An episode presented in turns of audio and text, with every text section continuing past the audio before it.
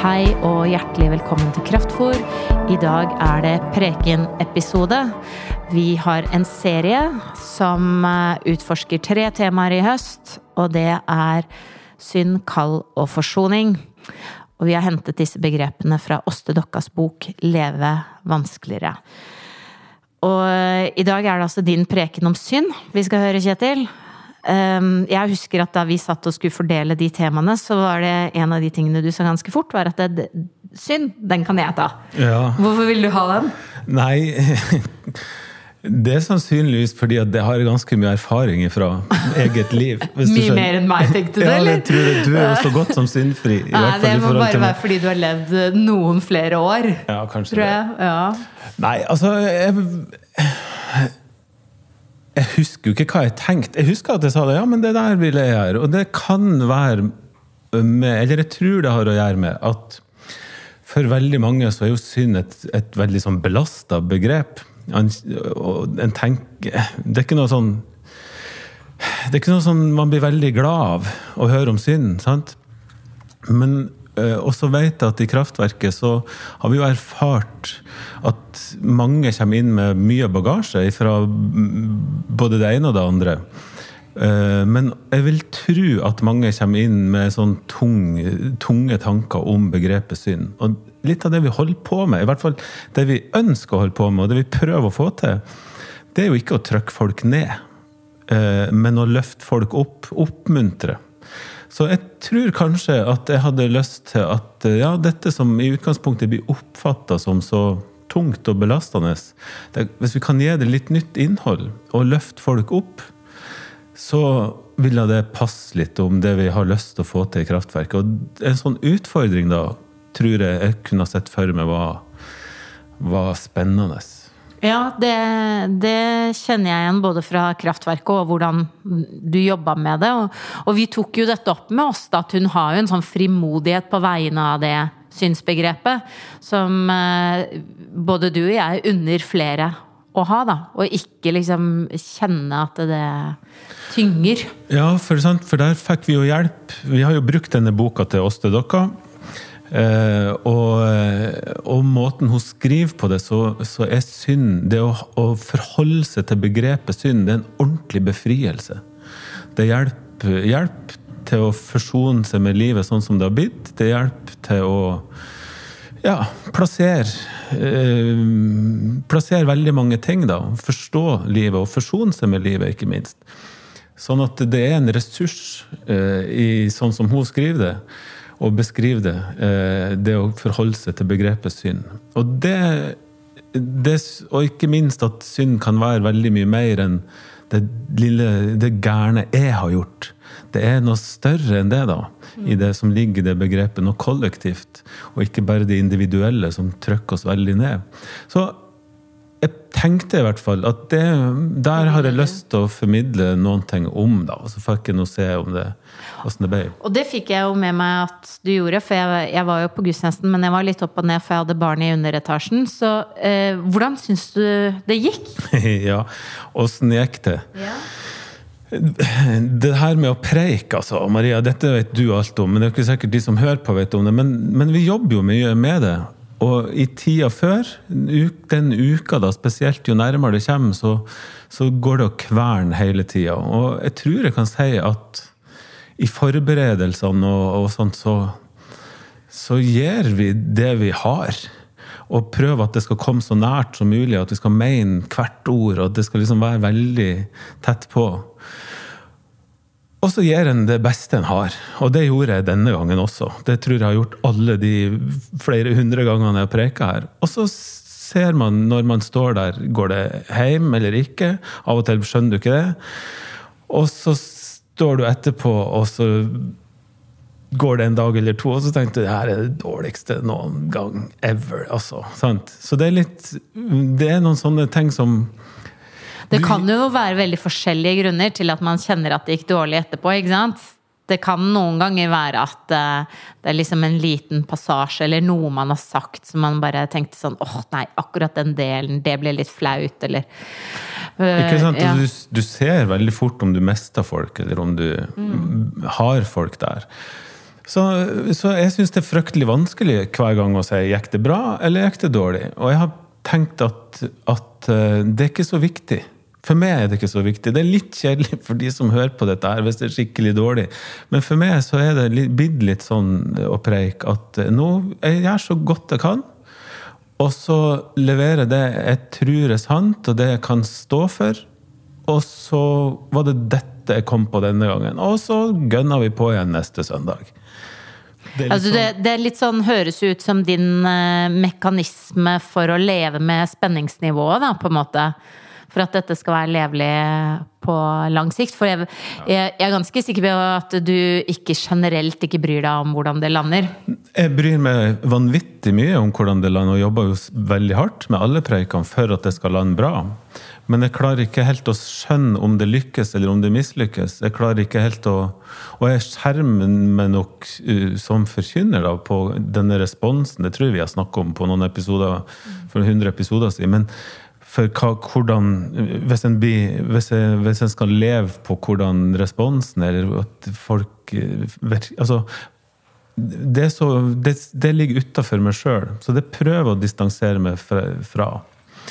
Så eh, jeg vil Men hvis jeg skal liksom trille terning, ja, så har jeg ikke noen 3, 4, 5, 6 1, 2, 3, 4, 5, 6, men jeg, jeg tenker at det her er en sånn ja, sånn med Husk den, så var det en helt vanlig Kjetil Gilberg A4-tale.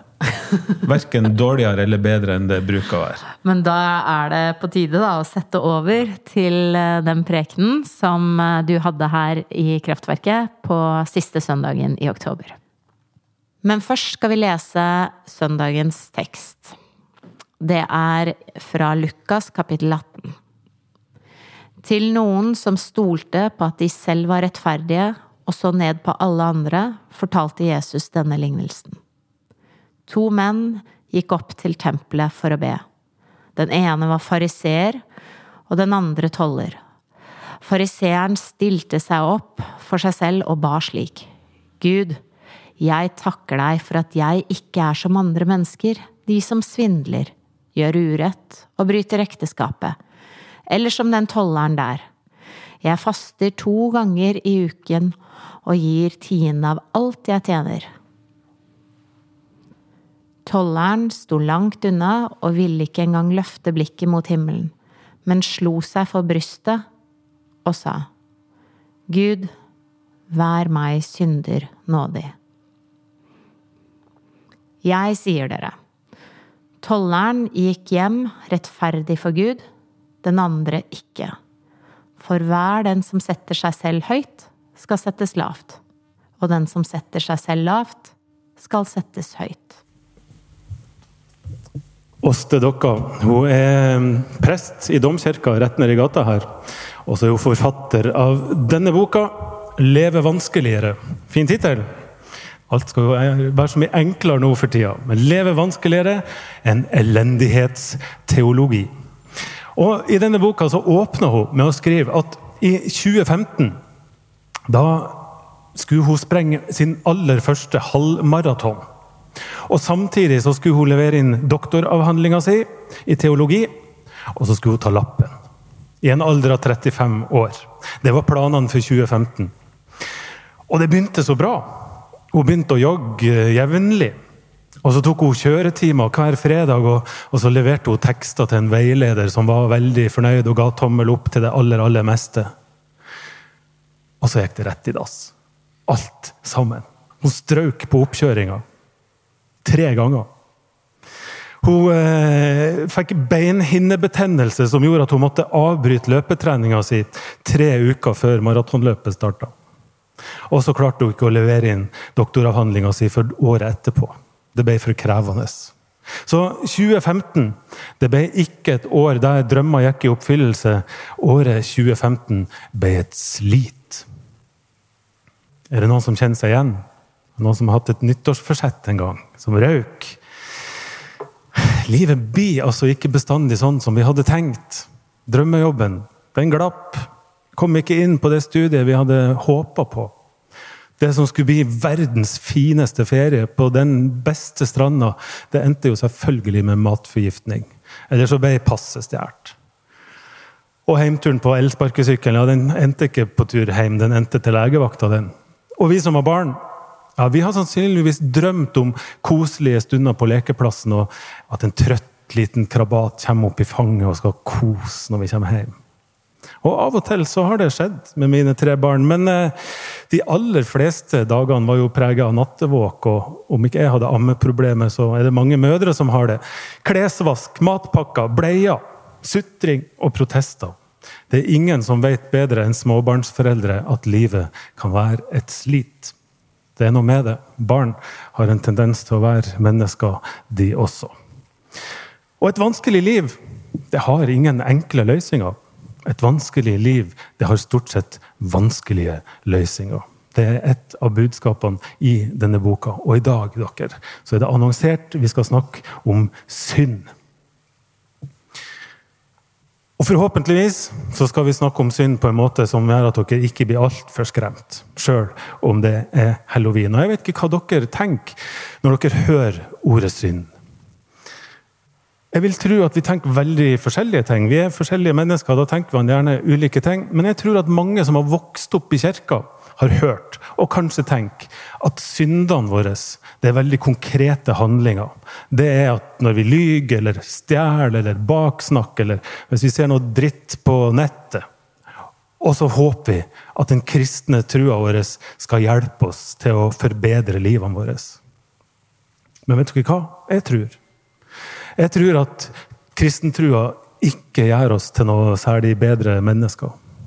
Riktignok, kan hente mye gode holdninger og mye bra i trua, men jeg tror at kristendommen og den kristne trua først og fremst ikke gjør oss til bedre mennesker, men den hjelper oss til å forstå livet og til å forstå verden. Så det jeg har lyst til å gjøre i dag, det er å løfte dette begrepet synd opp til noe mer enn dine og mine negative handlinger. Fordi synd det er noe som preger hele tilværelsen vår. Det. Også når vi gjør det som er godt. Vi er marinert i synd, om vi liker det eller ikke. Uten noen mulighet til å gjøre noe med det. Og Jeg vet ikke hvordan det høres ut for dere, om det er skremmende eller om det høres destruktivt ut. Det kan hende noen av dere oppfatter sånn. Jeg oppfatter ikke sånn. Jeg oppfatter som ordentlig, en ordentlig befriende tanke. For det å innse at verden er marinert i synd, det tror jeg kan hjelpe oss til å akseptere at livet ikke alltid blir sånn som vi hadde drømt om eller tenkt. Og det, det er ganske vanskelig, det. Det er det mange mennesker som sliter med. Spør menn på 40. 40-årskrisa den handler om akkurat det. Livet som ikke ble sånn som man hadde håpa på. Bare vent, dere kommer dit snart. Og dere som har vært der, dere vet hva det handler om. sant? Det er jo derfor man kjøper rulleski og motorsykkel og, og trener til Birken og sånne idiotiske ting. Sant? For da skal man liksom ordne opp. Man skal liksom fikse livet, man skal dope seg ned i disse greiene her, og så døyver man smerten over livet sånn som det ble. Og jeg tror ikke det er så Jeg tror ikke det er noen sånne kvikkfikser på de greiene der. Og jeg tror heller ikke den kristne trua er en kvikkfiks som hjelper oss til å forbedre livet. Men jeg tror den kristne trua kan hjelpe oss til å forsone oss med at livet ble faktisk sånn som det ble. Og den kristne trua hjelper oss til å ikke strekke oss mot det som er helt umulig, men at vi heller strekker oss imot Jesus. Og så finner vi håp og trøst hos Han, der vi kommer til kort. Ok, hva er synd for noen ting? I denne boka så skriver Åste dere at ordet synd det kommer fra samme rot som ordet sund. Og vi som har vokst opp ved havet, vi vet at et sund det er en del på havet som markerer avstand mellom to landområder. Sundet det skaper et sånt skille mellom det som er på den ene sida og det som er på den andre sida. Og i teologien så beskrives synd som det som skaper avstand mellom oss på den ene sida og Gud på den andre sida. Og i hverdagslivet vårt ja, så er det synder som skaper avstand mellom de gode idealene våre og virkeligheten. De går ikke opp. Vi ønsker så bra, sånn som vi snakker om, og så går det ikke helt sånn som vi hadde tenkt. Virkeligheten er annerledes. Og allerede i Bibelens tredje kapittel så beskrives det hvordan denne avstanden oppsto. Dere kjenner helt sikkert fortellinga om Adam og Eva som spiste av kunnskapens tre i Edens hage. Treet som ga kunnskap ikke bare om det gode, men også om det onde. Og når de gjorde det, så frykta Gud at det skulle skje noe som var enda verre. Tenk hvis disse to spiser av livets tre. For de som spiser av livets tre, de skal leve evig. Og da vil jo mennesket leve med skam og umoral og sinne og strid og galskap til evig tid. Det må ikke skje. Så Gud så ingen annen mulighet enn å kaste Adam og Eva ut av hagen. Og da oppstår denne avstanden mellom mennesket og Gud. Fordi Gud satte to engler til å vokte porten, sånn at det ble umulig å vende tilbake. Og en liten parentes. Akkurat her, når dette skjer, så syns jeg den kuleste setninga i hele Bibelen står. Og Det har ikke så mye med saken å gjøre, men, men jeg må bare fortelle den likevel. Fordi akkurat her, når Gud er så fortvila og sint, og han har jaga ut sine barn, så viser han sin kjærlighet og sin omsorg. Vet dere hva det står? Det står Herren Gud sydde klær av skinn til Adam og Eva og kledde dem med. Og så sendte han dem ut. Er ikke det kult? Jeg vet ikke hva dere ser for dere, men jeg ser for meg Gud som sitter over symaskinen sin, fortvilt, og syr. Og så tenker han jeg håper de klarer seg der ute. Og så sender han dem ut skal vi være ganske forsiktige med å tolke sånne historier bokstavelig. eller og sånt da. Er heller, disse historiene er vel heller et forsøk på å forklare hvordan verden har blitt sånn som den har blitt. Hvordan Guds opprinnelige plan var for mennesket, men at denne planen ble ødelagt ved at vi fikk kunnskap om det onde. Og I boka si så forklarer Åste dere at det onde, eller synd, det er ikke først og fremst umoral eller utskeielser som vi gjør. Det er noe som er mye mer grunnleggende. Husker dere sist søndag, dere som var her? Da var det dåp. Full fest her framme. Masse unger. Tjo og hei. Og så Miriam som blir døpt. Skal vi be for henne, og så kommer farfar opp, og så skal han be for henne, tar Miriam i armene, og så bare datt det ut av han til hele forsamlinga. Har dere sett noe så nydelig? Husker dere? Det var et ordentlig fint øyeblikk i kraftverket. Mens oss til dere, hun sier at selv om barnet er nydelig, ja, så må ingen tro at det er uskyldig. Nei, vi er syndere allerede på fødestua, skriver hun. Og så forklarer hun Jeg må lese en liten passasje. Forklarer hun dette her. Hun sier barnet er allerede i magen en del av det merkelige spillet som består i å påføre hverandre smerte og frarøve hverandre liv. For barnas liv det er trua mors liv. Hvert minutt så dør ei kvinne når hun føder. Og om hun ikke dør, ja, så føder hun under store smerter. Hun får bekkenløsning, revner, har blodtap. Barnet tar det det trenger. Det er med brystbetennelsens, våkenettenes og sårhetens innsats at mor betaler for barnets liv og vekst. Og når barnet tar sin plass i verden, ja, da spiser det av et annet menneskes liv. Jeg syns hun beskriver ganske godt her hvordan en fødsel og altså En fødsel det er jo noe alle mennesker har vært igjennom i minst én gang. Og sjøl det er altså prega av destruktive krefter. Vi bruker også ja, nå er jeg plutselig på fornavn med henne, men Åste Dokka hun bruker også klimakrisen som eksempel på hvordan syndens krefter preger alt liv på jorda. Hun sier vi har arva et kjempeproblem som vi ikke klarer å komme oss ut av.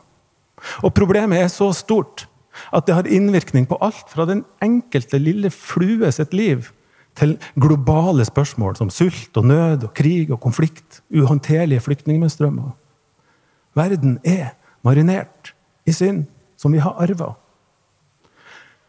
Men først og fremst så skriver hun om hvordan synd kan forklare spriket mellom de gode idealene våre og hvordan virkeligheten er. Sjøl om vi opplever masse kjærlighet og glede. det er ikke det. Men livet er også et slit, sjøl om vi gjør det. Hun beskriver det sånn. Idealene våre gjør at vi prøver å bestige fjelltopp etter fjelltopp. Vi fullfører eksamener og pusser opp hus og vinner fotballkamper. Men jeg har aldri følt meg så tom som etter at jeg disputerte. Det opplevdes ikke som den seieren jeg hadde trakta etter. Jeg fant ingen hvile i laurbæra. Og så konkluderer hun sjøl det perfekte er ikke perfekt. For hva er det vi ser på toppen? Hva er det vi opplever der? Jo, vi ser plutselig andre topper. Haugevis av andre topper som først ble synlige når vi kom oss opp på denne toppen. Vi skal alltid videre, og vi skal nå et nytt mål. Og den kristne trua ja, den hjelper oss ikke til å nå flere mål. Den hjelper oss ikke til at livet blir så mye bedre, skriver hun. Men en kristen tru kan hjelpe oss til å forsone oss med at livet er vanskelig. At sjøl det perfekte ikke er perfekt. Og, sier hun, kristen tru gir oss en å gå til med det som er vanskelig. Og nå skal vi endelig snakke om Bibelen, og ikke om oss til dere. Fordi teksten som Solfrid leste nå, den blir veldig aktuell, syns jeg, i akkurat dette perspektivet her. Husker dere teksten? Det er altså to personer som tenker helt forskjellig om synd, som blir beskrevet her. Jesus er altså i en samtale med noen som stolte på at de sjøl var rettferdige. Og de så ned på andre. og Jesus er ikke så god å ha med å gjøre når han møter sånne folk. Og Denne gangen så møtte han disse med historie om en fariser og en toller som gikk til tempelet for å be. Og Fariseeren ba, husker dere, Gud, jeg takker deg for at jeg ikke er sånn som andre mennesker. De som svindler og gjør urett og bryter ekteskapet. Eller sånn som den tolleren der. For jeg faster to ganger i uka, og jeg gir tiende av alt jeg eier. Ser dere hvor misforstått denne mannen tenker om synd? Han har begrensa synda til å kun dreie seg om sine egne personlige handlinger. Og her har han jobba hardt, så han klarer å se på seg sjøl som syndfri. Han har klatra opp fjelltopp etter fjelltopp, og han tror han har frelst seg sjøl. Og han har gjort det gjennom å slite. Mens tolleren derimot, ja, han hadde skjønt at synd det er ikke noe han klarer å hamle opp med på egen hånd. Det samme gjorde Martin Luther en gang. Martin Luther han levde et liv der alt dreide seg om å ikke synd. Og han var en sann asket. Altså. Han jobba hardt for å ikke gjøre noe gærent. Men han var ulykkelig, for han klarte det ikke. Han var fanga i sine egne negative tanker og negative handlinger. Og så sitter han og mediterer en dag oppe i tårnet sitt av alle ting han hadde. hvis det. Og så går det opp for han at kristendommens gave det er ikke å gjøre alt rett. Vi kan ikke frelse oss sjøl. Kristendommens gave det er å legge frelsen over i Guds hender. Det er Gud som må gjøre jobben. Og det er akkurat det tolleren i historien gjør. Han slo seg for brystet og sa, 'Gud, vær med synder nådig.' Jeg har ingen mulighet til å berge meg sjøl. Dette er oppdikta historie. Så man vet jo ikke hvordan det ville gått hvis det var på ordentlig. Men jeg vil tro at livet hans ble vel verken enklere eller mer prektig av å be den bønna. Men det er ikke poenget. Poenget er at Jesus konkluderer med at det er han som går, som gikk rettferdig hjem. Rettferdig for Gud. Og dette er dagens budskap. Kristendommens fortelling det er jo ikke at den som tror på Gud, nødvendigvis klarer å forbedre livet sitt. Sorry. Kristendommens fortelling er at vi er det vi er. Sånn som vi er. Og vi er skapt av Gud. Men vi er falt ut av relasjonen med Gud. Det er en avstand der. Et sunn som er umulig å komme over på egen hånd. Det fins én måte å komme seg over på, og det er å gå til Jesus, sånn som tolleren gjorde. Med all vår synd. Si som tolleren, Gud, vær med synder nådig for så å oppdage at ja, det er forsynet med nåde nok til absolutt alle. For det som er saken, er at den kristne fortellinga slutter ikke med syndefallet. Men den forteller at Gud har på nytt åpna veien til paradis. Et paradis som vi skal få lov til å komme tilbake til. Og veien dit heter Jesus.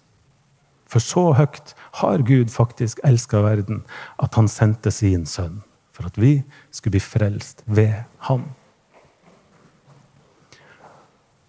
Så det jeg har lyst å si, eller har på hjertet i dag, det kan jeg oppsummere på denne måten. Og det har jeg oppsummert før når jeg har snakka om synd i dette rommet, men jeg sier det på nytt. Min oppgave og din oppgave, det er ikke å bekjempe all synd. For det klarer vi ikke. Men min og din oppgave, det er å erkjenne all synd. Det er noe helt annet. Hørte dere det? Vår oppgave er ikke å bekjempe all synd, men det er å erkjenne all synd. For når vi erkjenner at vi er hjelpeløse i møte med all denne synden som fins i verden, ja, da trenger vi noen som frelser oss, som kan frelse oss. Og det er nettopp det Jesus vil. Han har invitert oss til en ny himmel og en ny jord, der det onde ikke finnes. En dag skal verden gjenopprettes, og veien dit går gjennom å erkjenne og bekjenne at vi er syndere. Det er veien over sundet. Det er veien som tar bort avstanden mellom oss og Gud. Og dere, nå skal vi snart ha nattvær. Og I nattverden så blir alle som er i rommet her, gitt en mulighet til å gå til Jesus, helt konkret i brød og i vin. Og på den måten si, 'Vær meg synder nådig'. Og Det handler, som dere nå forhåpentligvis skjønner, ikke primært om vi har stjålet eller løyet eller baktalt eller alle mulige sånne ting den siste uka og at vi trenger tilgivelse. Det handler om det også, for så vidt, men det handler om at vi er en del av verden som gjør at vi bærer med oss en grunnleggende synd, som vi ikke klarer å gjøre noe med, men som Jesus er den eneste som kan gjøre noe med. Og hos han så er det nåde nok til alle. Og Som innledning til nattverden så skal Johanne og Kristian synge og spille en sang Sigvart Dagsland Jeg har bestilt denne her, da, for den er ganske fin. da. Sigvart Dagsland har skrevet en flott låt nettopp om Gud, som står i denne hagen sin. Og så har han sendt barna sine av gårde. Så har han sydd klær. Og så har han sendt Jesus til verden. Og så står han der og ser, syk av lengsel etter alle disse barna som forsvant. Og så roper han ut 'Kom hjem'. Vær så snill, kom tilbake og kom hjem.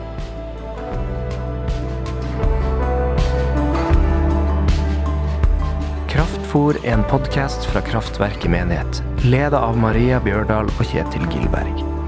Lydtekniker i dag har vært Ruben Oma, og Kraftverket har gudstjenester klokka 17 hver søndag på Bislett. Og hvis du ønsker å støtte innspillinga av Kraftfor økonomisk, så kan du vippse til 10393. Ønsker du å gi fast til drifta av kraftverket, så kan du gå inn på gitilkraftverket.no. Abonner gjerne på Kraftfôr, og tips andre om podkasten.